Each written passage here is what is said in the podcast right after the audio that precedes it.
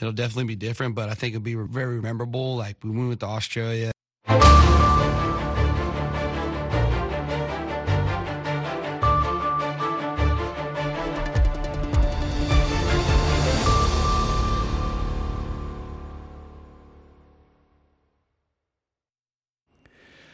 Halkani waa washington laanta afka soomaaliga ee v o a oo aad ka dhageysanaysaan mawjadaha gaagaaban efmiyada geeska africa iyo caalamkao dhan oo aad nagala socotaan v o a somaly com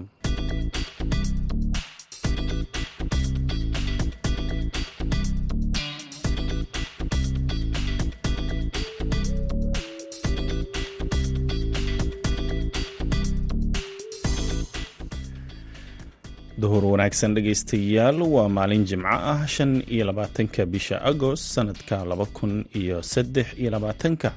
Afrikada bari saacaddu waxay tilmaamaysaa kowdii iyo barkii duhurnimo. Idaacadda duhurnimo ee barnaamijka dhallinyarada maantana waxaa idinla socodsiinaya anigoo ah cabdulqaadir maxamed samakaab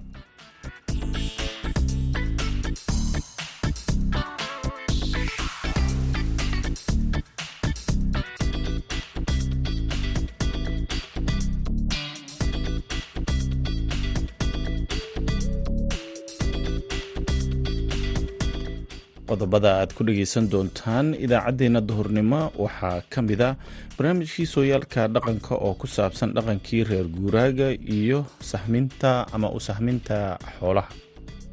Dadku sideedaba waxay ahaayeen dad xoolodhaqata ama reer guuraaya xoolodhaqatinimada ayaa waxay ku kadeedaysa dadka ama ku ajburaysay in ay ku kala guuraan meelo kala duwan oo ay ka helayaan baad iyo biyabaad kaalmihii heesaha ayaad sidoo kale maqli doontaan balse intaasoo dhan waxaa ka horreeya warkii dunida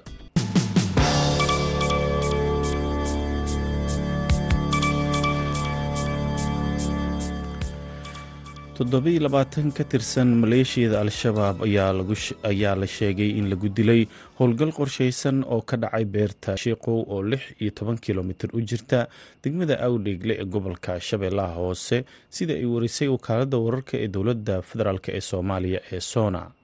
Ciidanka xoogga dalka oo garab ka helaya saaxiibo caalami ah ayaa burburiyey goobihii ay ku sugnaayeen argagixisada waxaana taasi ay keentay in toddobiiy labaatan ka tirsan maleeshiyada al-shabaab oo isku urursanayay beertaasi laga saaray ayaa lagu yiri qoraal ka soo baxay barta x ee hore loo dhihi jiray twitter-ka ah ee wakaaladda wararka ee sona. Faahfaahin intaasi dheer dowladdu kama bixinin howlgalkan iyadoo v o a aysan si madax bannaan u xaqiijinin sheegashada dowladda ee dilka maleeshiyada al-shabaab. Dowladda soomaaliya ayaana dowladaha soomaaliya ka kaalmeeya dhinaca hawada weli si rasmi ah uma aysan xaqiijinin haddii ay ka qayb galeen howlgalkan. Madaxweynihii hore ee mareykanka donald trump ayaa laga sii daayay xabsiga fulton county ee magaalada atlanta.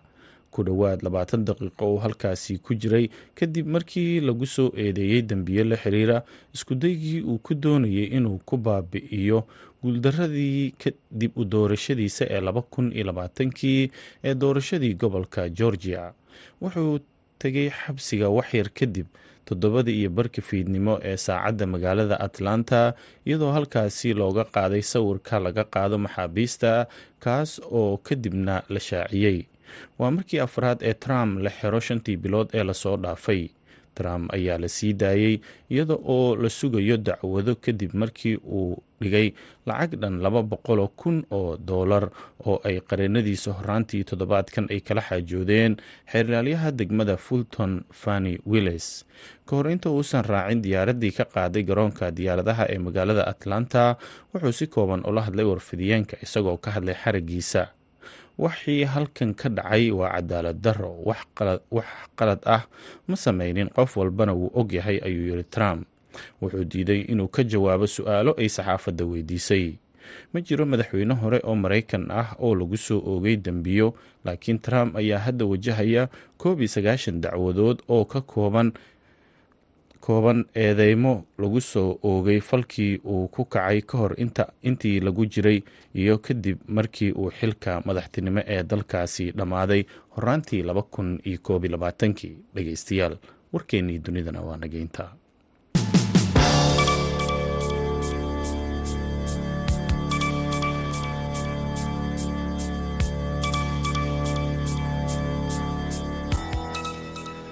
duhur wanaagsan mar kale dhegeystayaal halka aad warkaasi ka dhageysanayseen waa idaacadda v o a oo idinkaga imaaneysa washington.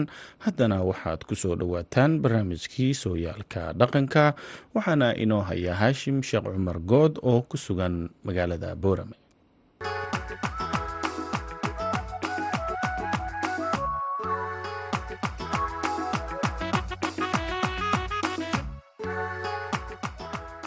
kulanti wanaagsan dhegaystayaal ku soo dhowaada barnaamijka sooyaalka dhaqanka. Oo maalin walba oo jimcaha aad hadahan oo kale ka dhegaysataan idaacadda duhurnimo ee barnaamijka dhallinyarada maanta ee laanta afka soomaaliga ee v o a. Barnaamijka sooyaalka dhaqanka ee toddobaadkanna wuxuu ku saabsan yahay sooyaalkii hore ee dhaqanka soomaalidu sidii ay xoolaha ugu sahamin jireen dhulka barwaaqada iyo xilliyada sannadka meelaha ay xoolaha xilli walba ula guuri jireen soomaalidu waxaana barnaamijkeenna inoogu marti ah aqoon-yahan abwaan cabdirasaaq daahir cabdi oo ka mida aqoon-yahanada daraaseeya dhaqanka iyo sooyaalka hore ee soomaalida. Waayo waad mahadsan tahay haashim sheekh cumar good iyo bahda v o eda dhammaantiinba waan islaamaya marka waxa weeyaan dadku sideedaba waxay ahaayeen dad xoolodhaqata ama reeguuraya xoolodhaqatinimada ayaa waxay ku kadeedaysa dadka ama ku ajburaysay in ay ku kala guuraan meelo kala duwan oo ay ka helayaan baad iyo biyaba marka waxa weeyaan socdaalka ay samaynayaan waxaa moogtay loo yaqaanay magacyo kala duwan oo dadka moogtay ay ku fasili jireen. Waxaa ka mid ahaa sahan baa jirayey socdaal baa jirayey safar baa jirayey geedi baa jirayey xergeyn baa jiraysay qulul baa jirayey hayaan baa jirayey marka waxa weeyaan isbedbedelka moogtay marba ereyga la adeegsanayo wuxuu ahaa mid meeshiisa moogtay taamku ah tusaale ahaan haddaynu soo qaadano sahanka oo kale. Sahanku waxa weeyaan waa marka raggaa loo diraa ama moogtay inamada moogtay labaatan jirka ree baadiyuhu ama xoolodhaqatadu wuxuu ka adkaa inuu xoolihiisa ka adag yahay sahamkiisa ka adag yahay wuu raadin karo moogta xoolaha meel baad fiican ama biyo fiican leh. Taasi oo uu tegayo meelaha ay ka hoortay moogtay hadiyo jeer hogole ay ka hoorto ama ay ku da'do roob taas oo uu eegin jiray hillaaca kadib meeshaa wuu tegi jiray meeshaas wuxuu ka soo warrami jiray in ay leedahay baad hoose biyo ay leedahay. Ama inuu saar ay leedaho geedaha caleenta sare leh. Ay saarkoog moogta uu jiro oo moogta waxaa la odhan jiray haddii saar leedahay geelaa u roon. In la raro oo la geeyo meeshaa si uu uga soo daaqo waayo hadiyo jeer xaabka hoose geelama cuno ee geedaha saarkooga ayuu moogtay ku nool yahay inta badan. Marka waxa weeyaan marna xoolaha hoosaa la rari jiro waxaa la odhan jiray saar ma jira meeshaase waxaa jira baad hoose oo doog baa moogta meeshaa cusub baa ka soo baxay. Waxaa la rari jiray xoolaha hoose lo-da iyo moogta cadhiga iyo waxyaabahaasi. Markaa ku kala duwanaayeen. Sahanka oo kale imga aynu ka hadlayno mar walbama waxaa loo sahmin jiray baad iyo biyo mise marba kii daran baa loo sahmin jiray okay horta labaduba sahanka way galaan. Baadka iyo biyuhu waa noolaha waxa lagu nool yahay. Biyahana moogtay nool la'aan. Haddii moogtay la waayo ma jirayso noolma suurtogelayso baadkii haddii la waayena ma jirayso. Labaduna xoolaha inagu xoolahaynu ku dulnoolayno hayn. Oo xoolahaynu ku sii hilibkooga iyo caanahooga. Iyagii markaa inaynu raadino waxay quutaanoo moogtay baad iyo biyaba leh ta kale waxaa kaloo moogtay loo sahan tegi jiray gabaadka waxa la yidhi ama dugsiga degsiimo dugsile ma fahamte wakhtiyada moogtay jiilaalka iyo gugii dabayshu laba dhinac bay ka kala timaadaa midna moogta waxay ka timaadaa koonfur galbeed midna waxay ka timaadaa moogtay waqooyi moogtay bari marka waxa weeye isbeddelkaasi marba dhanka dugsiga leh ayaa loo sahan tegi jiray oo loo guuri jiray si looga nabadgalo moogtay dabayshaas qallajinaysa moogtay baadka iyo moogtay iyo meelaha uu ku hadhi kara gabaad kale. Xilliyada guga iyo jilaalka ma xilli unbaa sahanka la tegi jiray oo dhallinyaradu ay sahanka u tegi jireen xoolaha?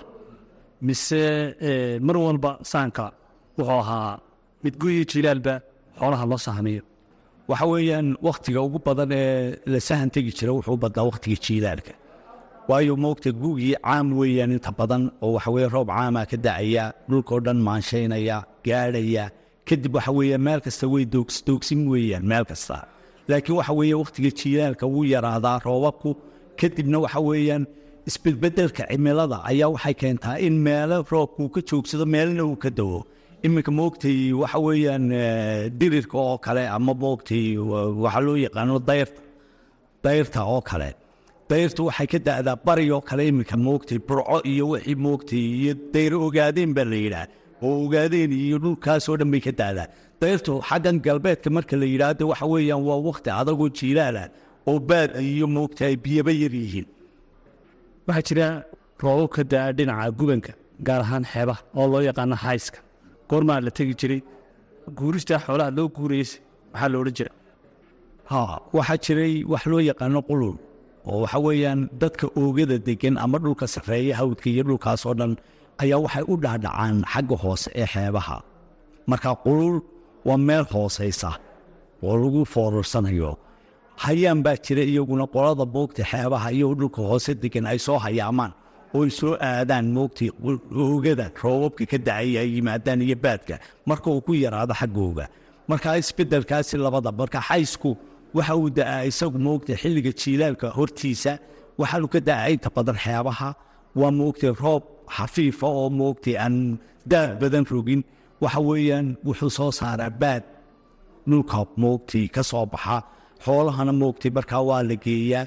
Iyada oo moogtay xataa u fiican tahay in ay soo jeel baxaan xooluhu. Markay soo daaqaan xudhuunka iyo geedaha moogtay kala duwanee moogtay ka duwan kuwii oogada ay ku daaqi jireen marka waxa weeyaan way u fiican tahay caafimaad ahaan xataa isbeddel caanahooga hilibkooga iyo moogta caafimaadkoogaba uu leeyahy xagga cimilada wakhtiyada guga iyo jiilaalka waxaad moodaa in dhulka xeebuhu ay kulul yihiin. Marka wakhtiga xeebuhu ay kulaylka yihiin miyaa loo soo hayaami jiray dhinaca oogada? Wakhtigan jiilaalka ee oogadu ay qabowga tahay dhulka sarreeya uu qabowga yahayna waxaa loo qululi jiray miyaa dhinaca xeebaha ha waxa weeyaan wakhtiyada kulaylka moogta hanfi baa dhacaa xeebaha ka dhaca hanfigaasi waxa weeye waa dabayl kulul oo moogtay wadata moogtay siige iyo moogtay isbeddel cimilaad leh taasi waxay keentaa inay qanajiso wixii baad dhulka yaalla marka wakhtigaasi moogta waxay soo aadaan oogada oo markaa way soo hayaameen baa la yidhaha reeraha oogadu waxay yidhaha reerihii xeebta ama gubanka ayaa soo hayaamay. Ma yidhaahan kuwan kalena markii xaggaa tega waxaa la yidhaha way soo qululeen markaa labadoodu saasay isku weydaartaanay moogta isugu tegaan. Reer guuraanimada soomaalida ee dhaqanka soomaalida iyo xoolo dhaqatada dhaqanka u aha isdhexgal bulshaa ku dhex jiri jiray. Maxaa ka dhalan jiray? Okay waxaa ka dhalan jiray waxyaabo badan. Dadku xeerar bay moogtay ku baran jireen meesha. Waxa weeyaan xeer dhaqmeedyaa jira moogtay kala duwan oo qaarba meel laga isticmaalo waxaa jira moogtay dhacdooyin dhacay oo moogtay ka dhacay bari ama galbeed ama meelo kala duwan oo ayna ogeyn qolooyinka kale. Laakiin marka laysku yimaada meeshaase lagu moogtay sheekaysta ee xooluhu isdhexgalaanee la waraabsada ee moogtay laisdhexgalo bulshadu isdhex gasho laisdhaafsan jiray. Marka waxaa ka mid ahaa moogta ugu dheeraa in xataa guur uu ka dhexdhici jiray dhexdooda.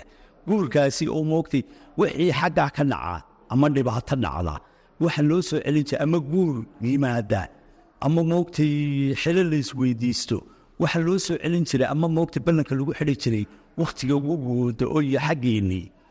Oogada marka sidaasay u soo bixi jireenoo hadhow markaa hawshii wixii qulul ka dhacay wax lagu gorfayn jiray oogada marka dambe. Xoolihii dusha ka soo qululay marka ay xeeboo kala yimaadaan. Ma keeni jirtay isbarasho iyo dhaqan wadaag ma keeni jirtay. Ha way keeni jirtay.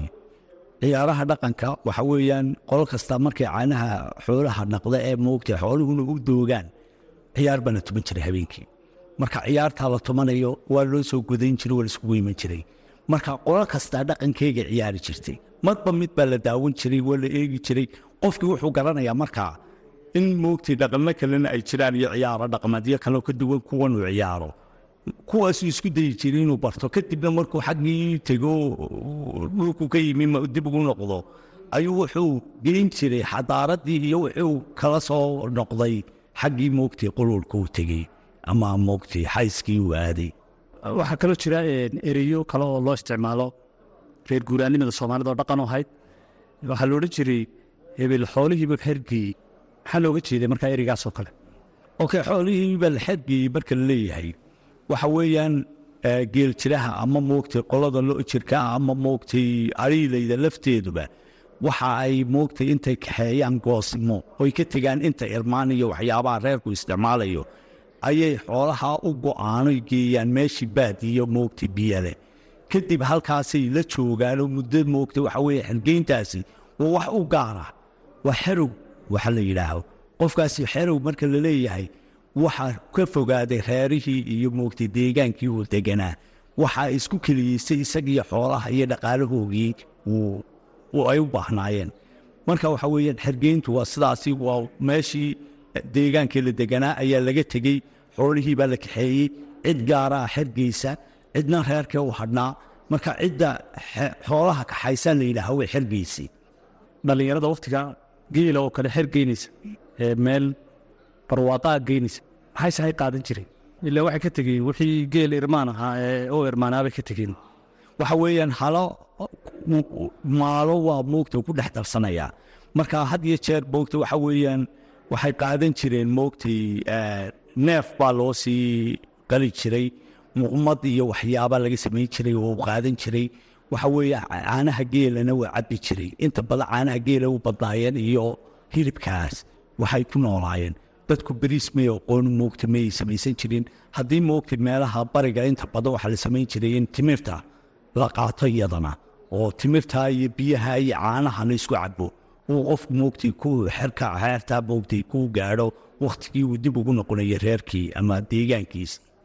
Waxa weye ereygii ka soo baxa reerka markaad soo martid ee lagu yidhaaho odaygii wuu socdaalay. Ama islaantii reerkaa socdaashay waxaad garanaysaa markaaba maskaxdaad ku soo dhacaysa weydiin maysid waxaa ku soo dhacayaa in ay reerkeegii ama reerkii ay ka dhalatay soo salaamaysay ama isaguba reerkii uu ka dhashay ama hooyadii ama moogtay uu tegey oo uu gaadhay oo booqasho waxa booqashada la yidhaah weeyaan socdaalku. Marka waxa weeyaan safarku laakiin wuu ka duwan yahay oo waxa weeyaan reerkii baa loo safar tegey safarkaasi waxa weeyaan wixii cunto ay cuni lahaayeen baa magaalada laga raadiyey. Sonkor ay ka mid tahay shaahii uu ka mid yahay beriiskii uu ka mid yahay waxyaabihii kale moogta lagu darsanayay xawaajkii waxay ka mid yihiin. Markaas safar baa reerka u maqan ama safar buu ku maqan yahay. Reerkii buu gasiin u raadiyey magaalada uga doonay. Waxaynu ku soo gabagabeynaynaa barnaamijkeennii sooyaalka dhaqanka. Maase uu tiriyey abwaan cabdirasaaq daahir cabdi oo ka hadlaysa mawduucan aynu ka hadlayno maasadaasi maxay leedahay cabdirasaaq okey waxay leedahay sida xayska roobkoo xilligiisii da'ayuu xeebaha u gaar yahay iyo hoos xaggeeda. Reere xilliyadoodii intay inta xoolahoodii qulul ay xergeeyeen xiisahoodu uu yahay xeel inay ku gaadhaan xagga laasaciidliyo bullaxaar xoddeediiyo xuluulkii lughaya iyo buurxaab dusheedii eele iyo xayaabley oo xoorka caanuhu inta ay xirfanayaan xoday daaqa dhadhankiiyo xudhuunkii u dheer yahay la lisaayo xigihii iyo xilliyada dharaartii uda ceelka loo xulay darku xeran la jaariyaa xurbo iyo wanaag taal xeeladii u dheertahay la wadaago xogihiiyo wixii xaal adduun yaal xigashadeedana loo celin halka xaalka laga helay ee xuduntiisu ay tahay iyo xaalna laysku dhaafsaday iyo haween xilashadoodii guga ballanka wuu xigo iyo xaalad guurkeed laysku xulay quluubtiyo xubnahooda qaarkood. Marka waxay ka hadlaysaa dadku marka ay qululaan isdhexgalka iyo moogtay bulshada moogtay dhaqannada moogtay kala duwanay iskugu yimaadaan iyo isweydaarsiga gabdhaha iyo guurka oo intaba moogtay inta meesha lagu gorfeeyo dib haddana moogtay loogu ballan dhigto moogtay wakhtiga dib loogu noqdo reerihii ama gogu oo in arrinkaasi la fuliyo oo gabdhihii laysku doonto xoolihii laysdhaafsado wixii moogtay halkaa ka dhacay meeshaas intaas waxaynu ku soo gunaanadaynaa kuna soo gabagabeynaynaa barnaamijkeennii sooyaalka dhaqanka ee toddobaadka oo idinkaga imanayay magaalada boorama ee gobolka awdal martina uu inoogu ahaa aqoon-yahan abwaan cabdirasaaq daahir cabdi oo ka mid ah aqoon-yahanada soomaaliyeed ee daraaseeya dhaqanka iyo sooyaalkii hore ee soomaalida barnaamijkeenna toddobaadka oo aynu ku soo qaadanay dhaqankii hore ee soomaalida ee howlaha ugu sahamin jireen dhulka barwaaqada iyo xilliyada sannadka meelaha ay xoolaha xilli walba ula guuri jireen soomaalidu. Waxaana barnaamijka idiinka soo diyaariyey magaalada boorame ee gobolka awdal. Anigoo ah haashim sheekh cumar good tan iyo kulantadeenna dambe dhegaystayaal waxaan idinkaga tegaynaa sidaas iyo nabadgelyo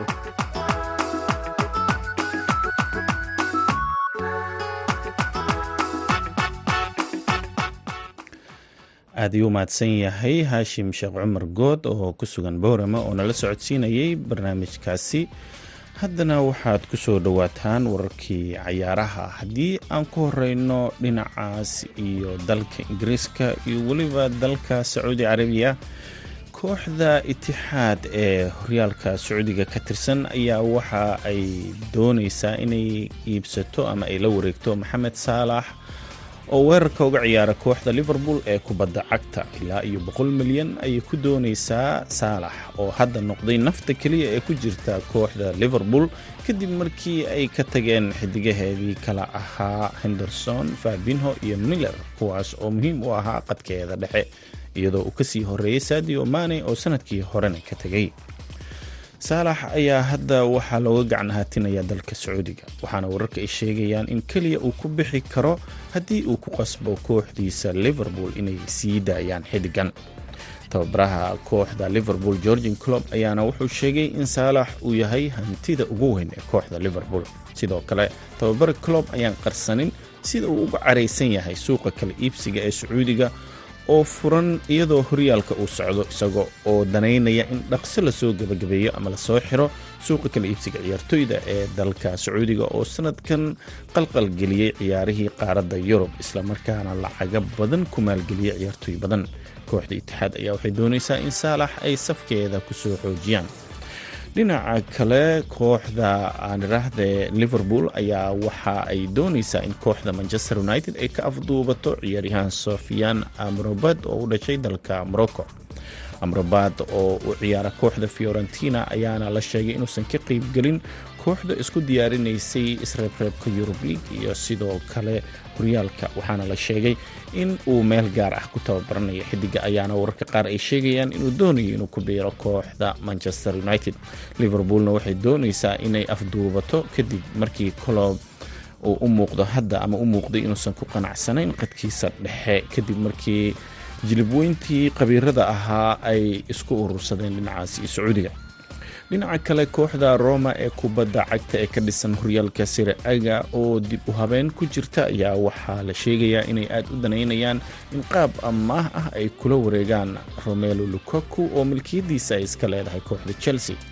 Roma oo tababaro u yahay murinoho ayaana waxa uu doonayaa in markaasi uu xidigan dib ula midoobo. Murino ayaa lagu xusuustaa inuu hadda ka hor chelsea aaniraahde manchester united keenay ciyaaryahan lukaku laakiin markii laga eriyey kadib ayuu lukaku u boqolay dhinacaas iyo talyaaniga.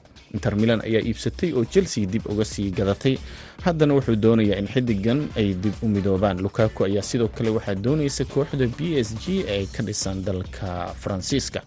Chelsea ayaa xidiga soddon jirka ah lacaga qaali ah ku doonaysa laakiin haddii ay ogolaato inay amaha ku bixiyaan wuxuu xidiga aadi doonaa midkood b s g iyo inter milan iyadoo wararkan ay sheegayaan xiriirka wanaagsan ee uu la leeyahay hoose murinoho darteed inay ku riixi karto inuu ku biiro kooxda kubadda cagta inter milan.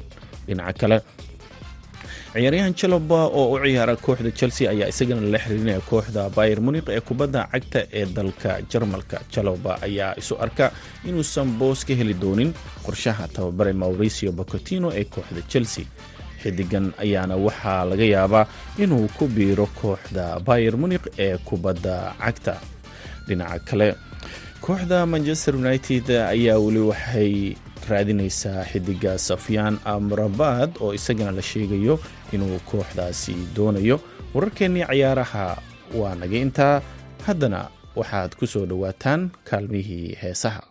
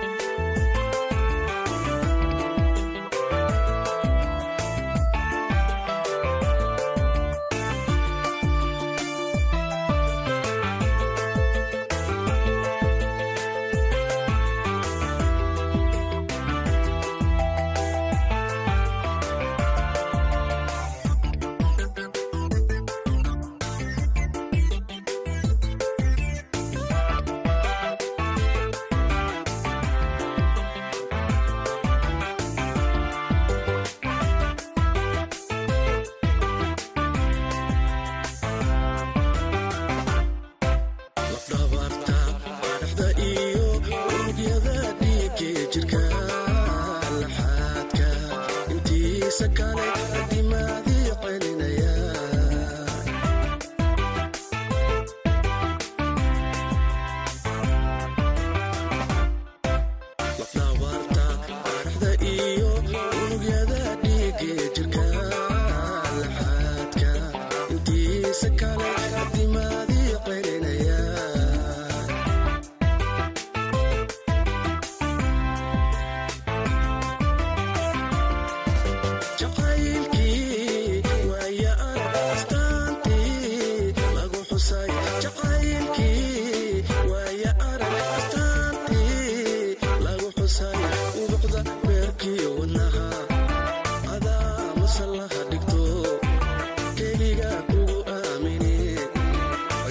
Yeah.